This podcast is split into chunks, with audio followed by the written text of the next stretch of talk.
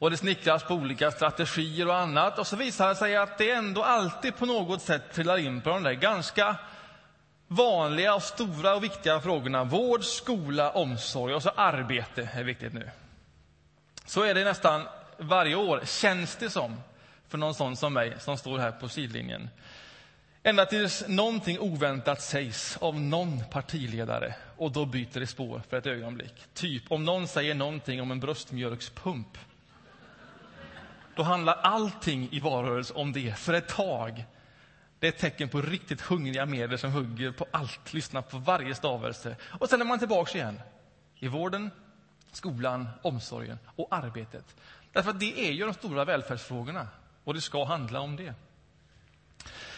Eh, och I de frågorna talar vi in i fyra söndagar, men vi väljer att göra det från ett annat håll. Eh, från ett håll som rör en människas inre frågeställningar. Som ändå är ett politiskt budskap. Det vill jag få säga tydligt först. Det är inte så att en in, människas inre liv är skilt från ett samhällsliv eller människor som vi har omkring oss, eller från politik. Jag tror att en människas inre frågor och de val man gör där formerar en människa och, och, och, och får alltid samhälleliga konsekvenser och är för alltid ett politiskt budskap. Så det här är ett politiskt, politiskt budskap, men från ett annat håll. Är vi med på det? Vad skönt. Då ska jag ta min start i eh, en psalm, en gammal psalm från Psaltaren, Gamla testamentet. En gammal uråldrig text, flera tusen år gammal, förmodligen 3000 år gammal. Den första psalmen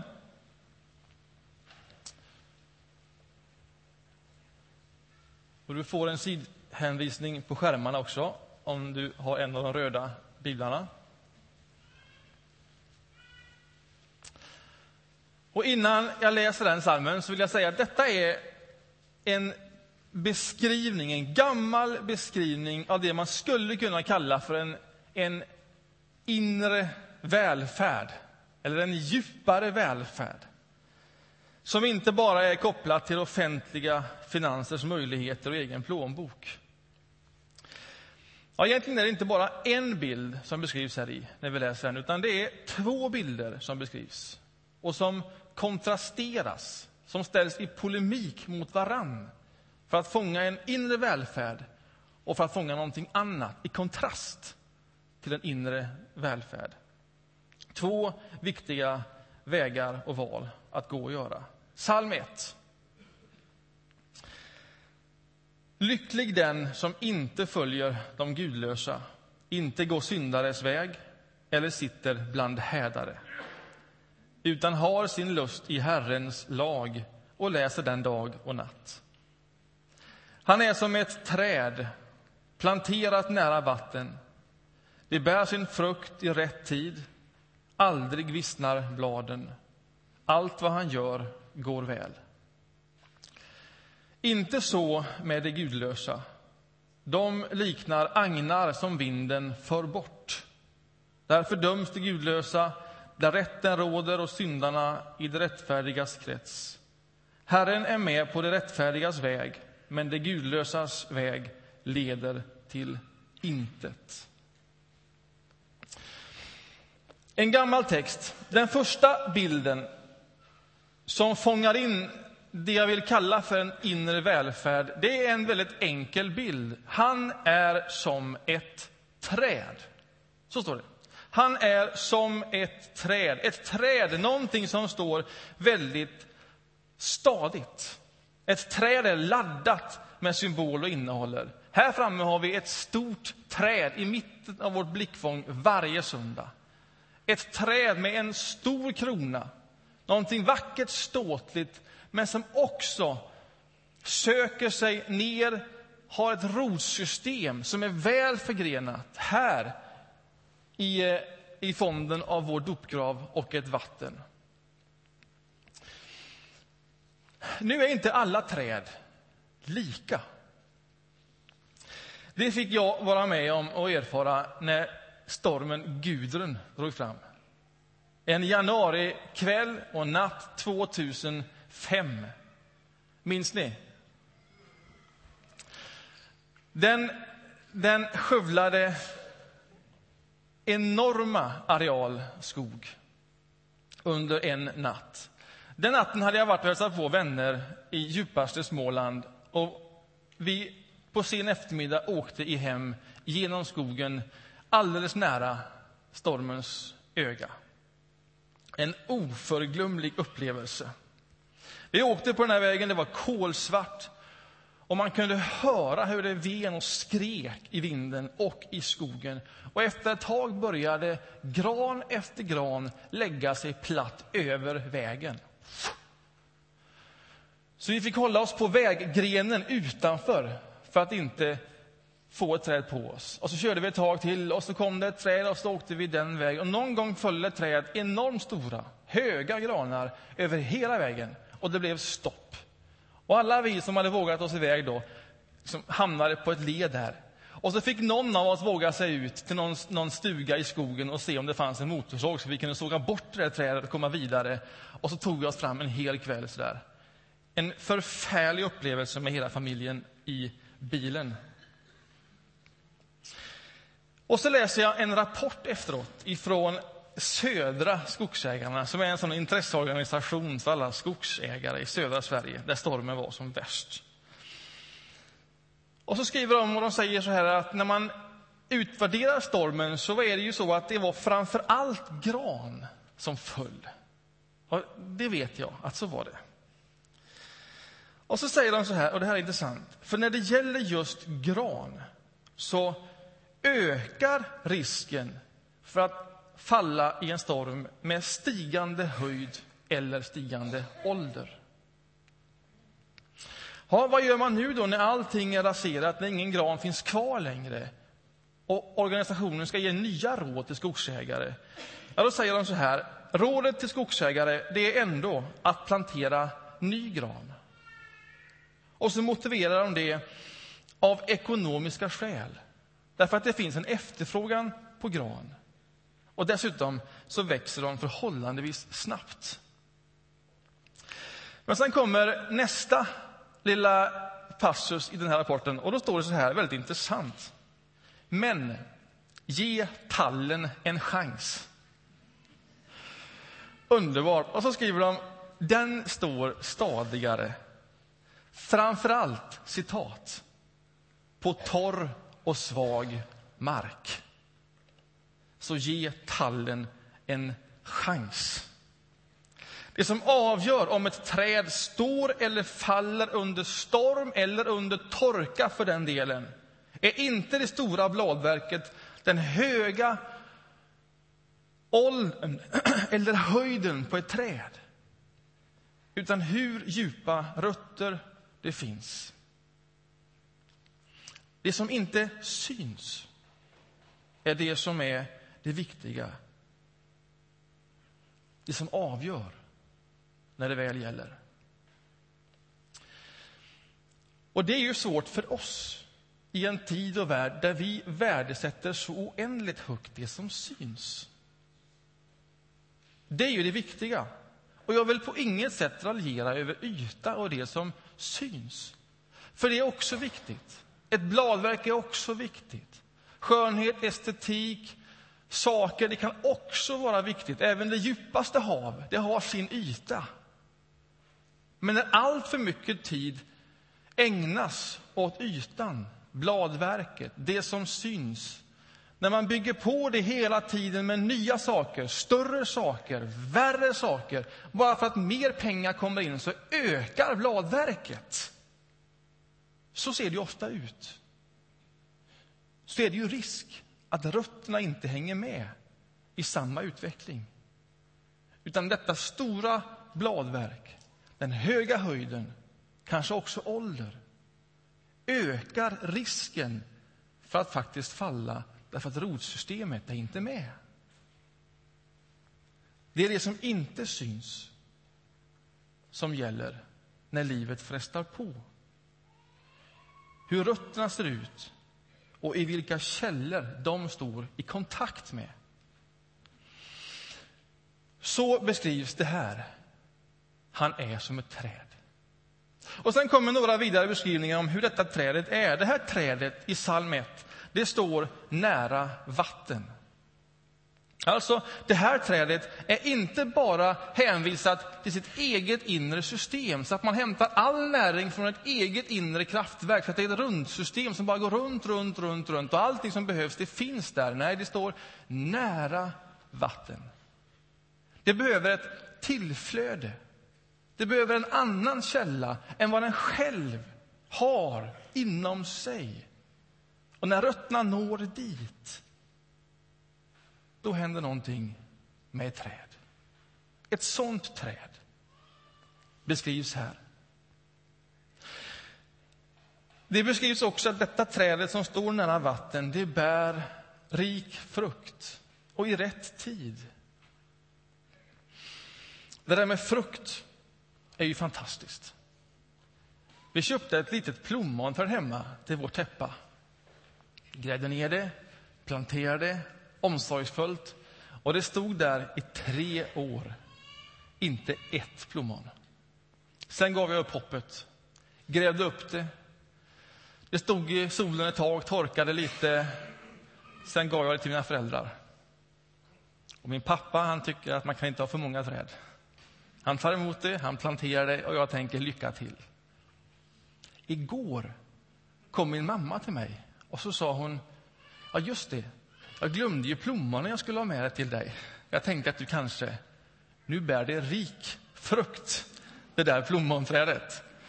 Det är väl något med jordmånen där uppe på höjden, tänker jag.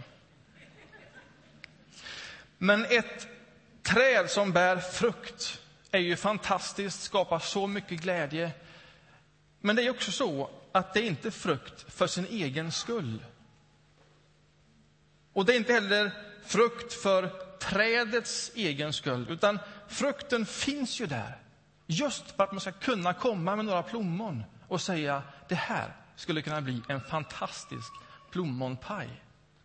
Frukten är inte till för sin egen skull, inte för trädets skull, utan det ger glädje och energi till en annan människa det är ett liv som andra människor kan hämta kraft ur.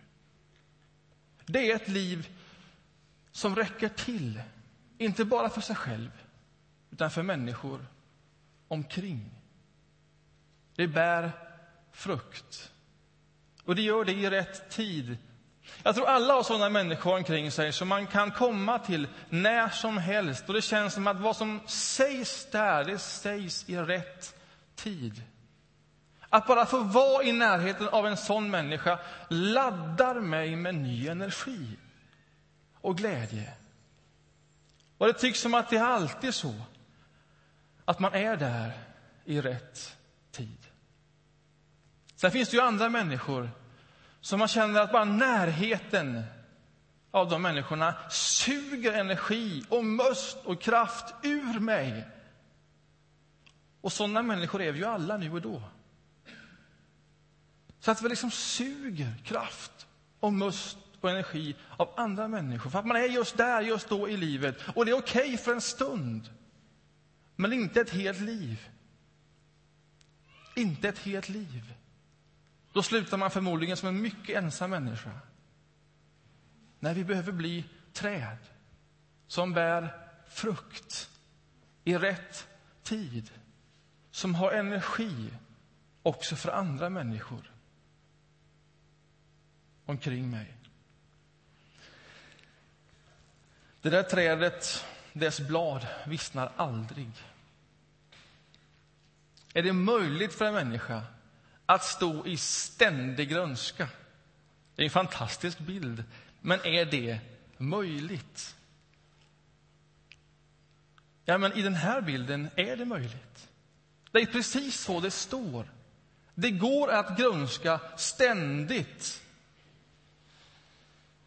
Ja, men är det möjligt, även när omständigheterna i mitt liv blir så svåra att bemästra, att jag inte vet vad jag ska göra av allting, är det då ändå möjligt att leva ett liv som grönskar? Ja, men så säger ju bilden.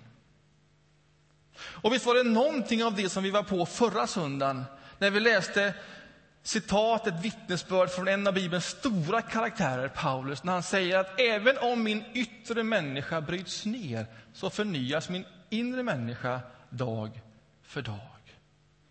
Är det möjligt att leva ett grönskande liv? Även när omständigheterna är så svåra att du inte vet hur du ska bemästra dem. Han är som ett träd. Där har du bilden. Han är som ett träd. Det står för den inre välfärden.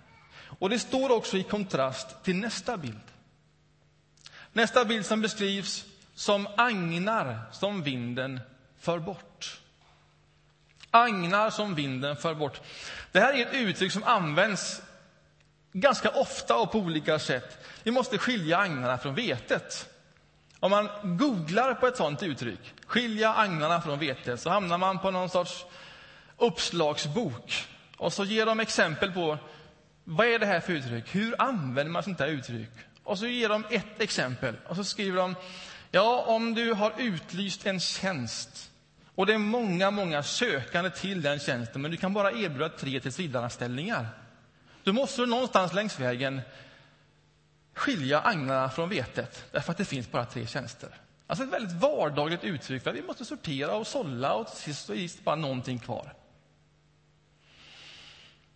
Och så kan man ju använda det, men när det beskrivs här i, i den här salta texten så är det likväl ett vardagligt uttryck, ett vardaglig bild för dem som då lyssnar på detta, men det står för någonting mer, ska man säga, brutalt.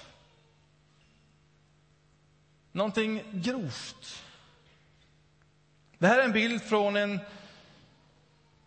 skördemiljö, en jordbruksmiljö. Nu är jag varken skogsexpert eller jordbruksexpert, så ingen tror det i den här predikan, utan jag googlar mig till kunskap. Så det kan vara fel, men innehållet står jag för. När man, när man skördade och skulle sålla agnarna från vetet i den här miljön för 3000 år sedan då skedde det oftast på en, på en hård, hård yta som var stampade, som kunde vara berg eller sten. Och det skedde oftast på en hög höjd, där det blåste mycket. Och sen gick man ut och skördade och så fick man in all, all, alla, allt vete. Och sen gick man till den hårda platsen och sen la man det där, eller slängde det där, eller slog på det brutalt. Så att själva vetekornen lossnade. Och sen när man har slått det där så tog man bort, ja, ni hör att jag kan inte jordbruk, stråna, halmen, hjälp mig.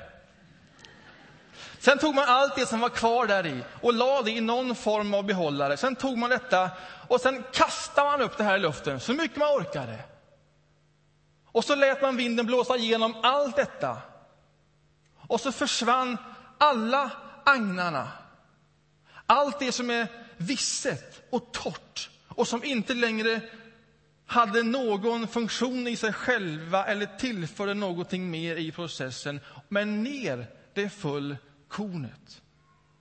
Det som var mättat, där det fanns näring och det som av egen tyngd kunde falla ner på en hård yta.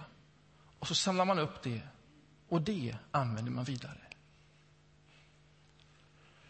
Det här är ju en sorts brutal bild, tänker jag, därför att detta är en bild som beskriver inte bara några människors liv, utan de allra flesta människornas liv. Är det någonting man kan säga om en människas liv, så är det att man nu och då, kanske någon gång rejält, eller på flera sätt små gånger, blir liksom tagen ur sin miljö slängd på ett hårt golv, stampad på mentalt eller fysiskt eller psykiskt. Och när man tror att det inte kan bli värre, då tar man allt det som där är sönder, som livet har trasat sönder, tar man det och så kastar man upp allt det i luften och så låter man en stor vind bara blåsa igenom alltihopa och sen ser man vad blir kvar då. En sån bild är det. En sån bild är det. Det är en bild över vad det är att vara människa och vem man är. När livet är brutalt, när livet är svårt, när omständigheterna, när man inte vet vad man ska göra med dem. Vem är jag då? Det som är mättat, det som är fyllt av näring och har en sorts tyngd. Eller som agnarna som, som blåser iväg. Den här bilden beskriver gudlöshet, eller de gudlösa, det ordet. Ett sånt ord är ju svårt. Alltså bara det ordet gudlösa kan ju få mig att tänka förenklat och på olika sätt. Jag har gudlöst, Gud. Men så läser jag mig till att det där ordet gudlöst, det har samma stam och det kommer ur ett ord som rastlöst. Och att det är det man vill fånga med den beskrivningen. Någonting rastlöst, någonting flyktigt. Och så används det ordet på olika sätt. Lyssna här, det här är från profeten Jesaja. Han skriver så här, de gudlösa, det är samma ord, är som ett upprört hav. Det blir aldrig stilla. Deras vågor rör upp dy och slam. Det är rastlöst och det är flyktigt. Det är ett sånt liv som beskrivs. Och då blir den stora frågan, när det kommer till inre välfärd. Vem är vi och vem vill vi vara? Rotad eller rastlös? Och hur blir man en rotad människa? För när de två bilderna ställs i så bjärt kontrast till varandra, som syftet är här, så blir väl ändå valet enkelt, tänker jag. En rotad människa. Så tänker jag. Hur blir man en sån människa? Som ett träd. Nära vatten. Som bär frukt i rätt tid. Och vars blad inte vissnar. Ja, om vi går tillbaka till Saltaren så gör Saltaren en enkel, ett enkelt hopp. Och så säger den så här. Lycklig den som har sin lust i Herrens lag. Och sen kommer de två beskrivningarna. Och då kan man tänka, jaha, men det där är ju en väl enkel koppling. Det där är ju nästan på gränsen till en lustig koppling. Att karikera de två bilderna så, så vansinnigt och så brett isär och sen göra en enkel koppling. Ja, om du har din lust i Herrens lag och läser den dag och natt, då blir du som ett träd. Det är vad som står. Vad betyder Herrens lag? Är det de tio Guds bud man ska läsa utan till? Är det då? Ja, men då jag kan dem, så står jag som ett träd.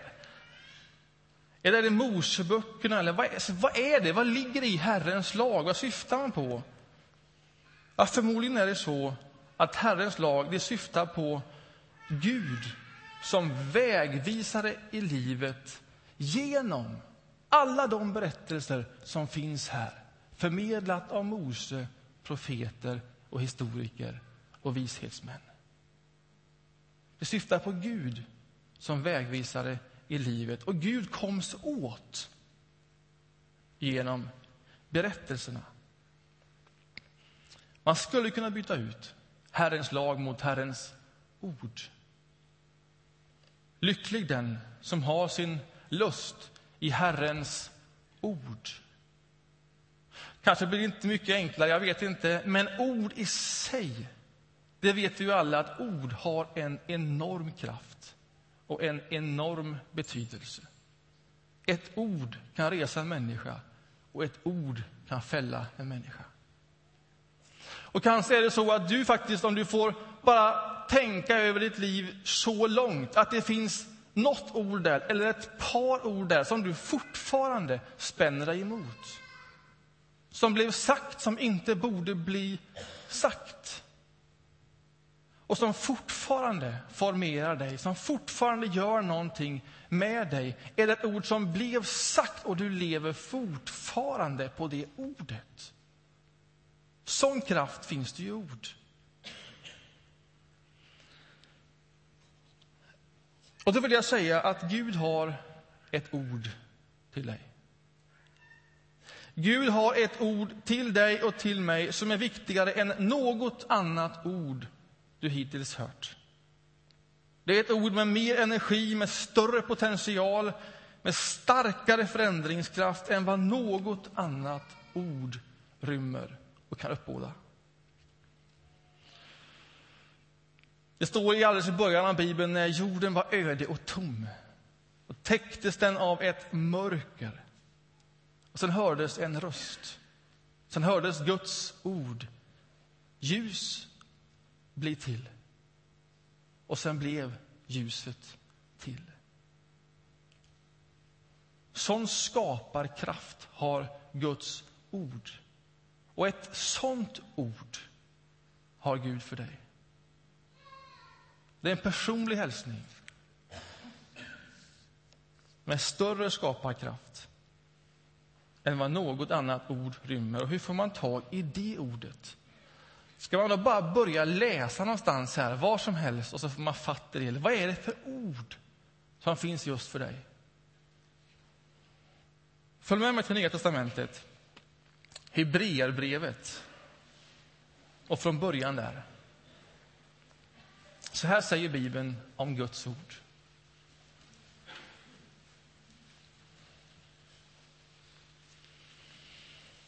Hebreerbrevet kapitel 1, från början där.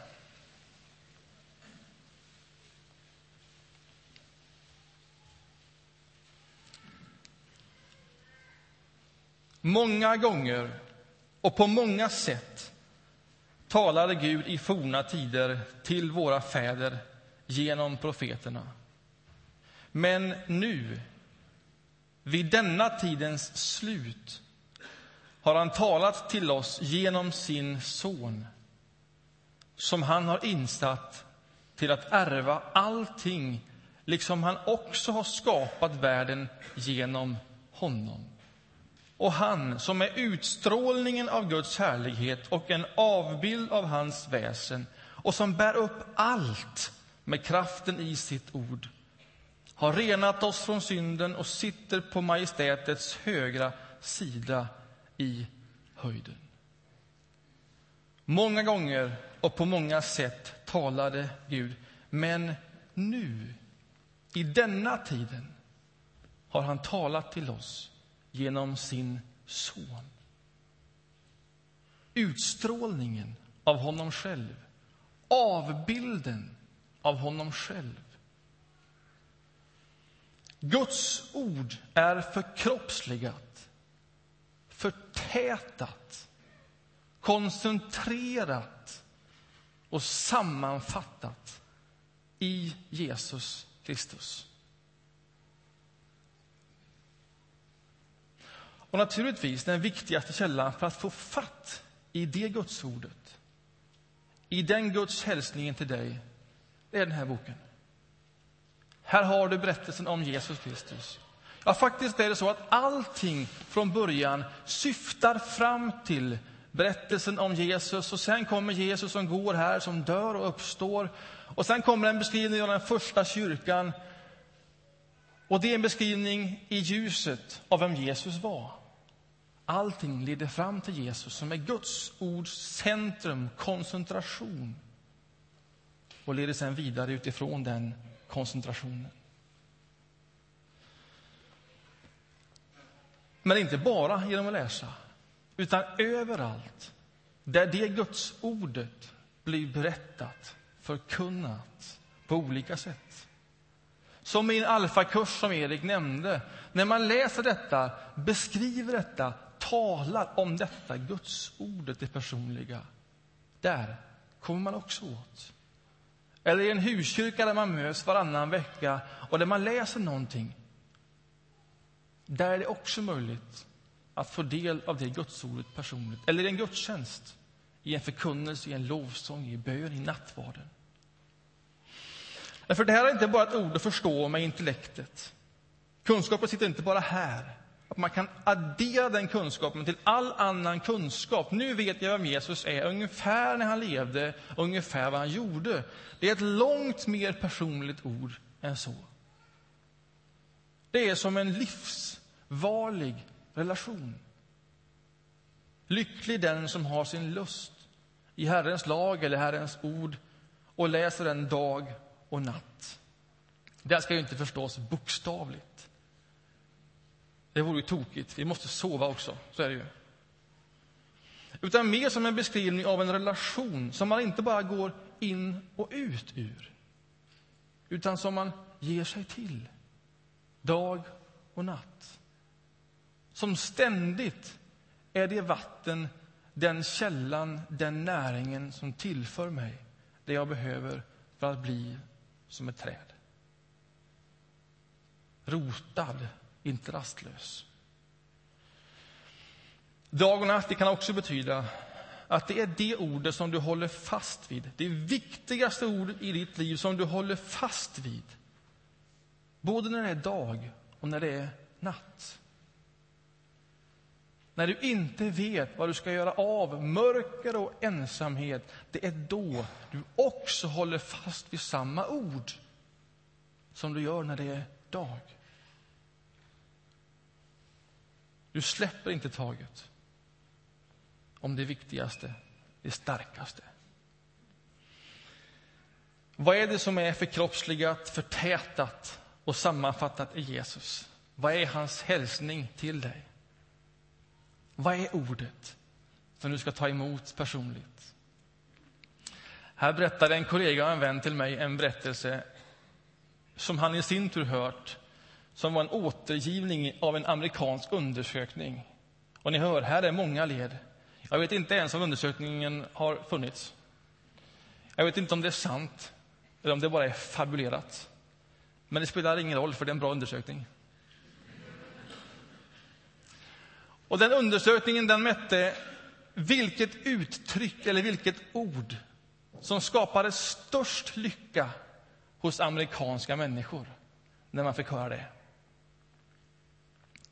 Det är ganska många människor att mäta om man ska få fatt i det. Ja, ni hör, va?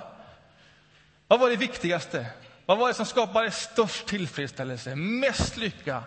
Om man får gissa på något enda uttryck. Tre ord. Jag älskar dig. Det var det viktigaste. Det ville alla höra. Inte bara höra, utan när det menades, när det var autentiskt på riktigt, då ville man höra de orden. Jag älskar dig. Det gick en förfärlig film på tv igår. Där fastnade jag. En beskrivning av 9-11, hela det dramat. Och den sista scenen var i ett plan där de förstod att nu är vi kapade och det kommer inte landa, det kommer krascha. Och alla får tag i en flygplanstelefon någonstans i telefonen och ringer sina sista samtal. Och det bara slog mig när jag satt där och lyssnade på samtal efter samtal efter samtal efter samtal efter samtal. Och det här var ju ändå en sorts film man kunde dramatisera, att gjort någonting med det. Men det alla sa, som de sista orden, om man nu fick tag på vad man ville få tag på, det var jag älskar dig. Säg till de mina, jag älskar er. Det var det särklass viktigaste. Och visst kan man känna att även om inte undersökningen har gjorts så kan man känna, ja men nog är det så att det är. Att få höra det och att få säga det, det toppar listan. Och det andra hos amerikaner som skapade näst mest lycka, det var att få höra från någon människa, jag förlåter dig. Du är förlåten. Det skapade näst mest lycka efter jag älskar dig. Och det där kan man också förstå. Att få höra det när man vet att man sårat någon. Att då få höra det på riktigt. Du är förlåten. Det är värt något. Och sen det tredje viktigaste som skapade mest lycka. Det var maten är färdig. Bordet är dukat. Och det kan man ju också känna. Att det inte är så dumt, va? Alltså det är en god mening, maten är färdig, bordet är dukat. Man kommer hem till någon som har förberett någonting och man känner i entrén, ah, det här blir en kväll. Vilka dofter! Den känslan. Det är en tät koncentration av Jesu hälsning till varje människa. Han säger till varje människa precis så. Du älskar mig, bottenlöst, utan gräns. Och du är förlåten och varje människa behöver få höra det. Du är förlåten. Och dessutom, bordet är dukat. Maten är färdig. Och om du erinrar dig vad som händer om man läser Nya Testamentet när Jesus har dött och uppstått och lärjungarna inte vet vad de ska göra av sitt liv, för han är inte där. Och så möter han dem på nytt som uppstånden. Då möter han dem vid stranden. Och han möter dem och han har tänt en eld. Och det finns fisk på elden. Och det finns nybakt bröd. Och man kan känna dofterna. Bordet är dukat. Här finns näring för er alla, där ni nu är. Och den näringen den kan man ta emot och den behöver man ta emot för ett helt liv. Det skapar ett rotat liv. Amen. Ska vi be en bön?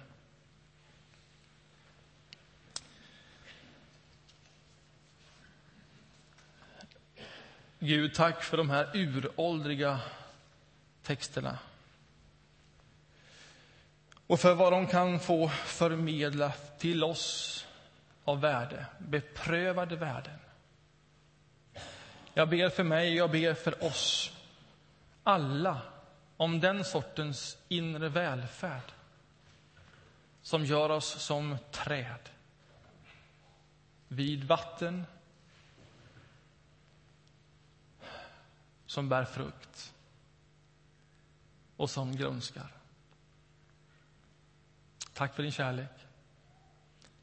Tack för förlåtelsen och tack för ett dukat bord. Tack för att det finns näring för varje steg i en människas liv hos dig. Amen.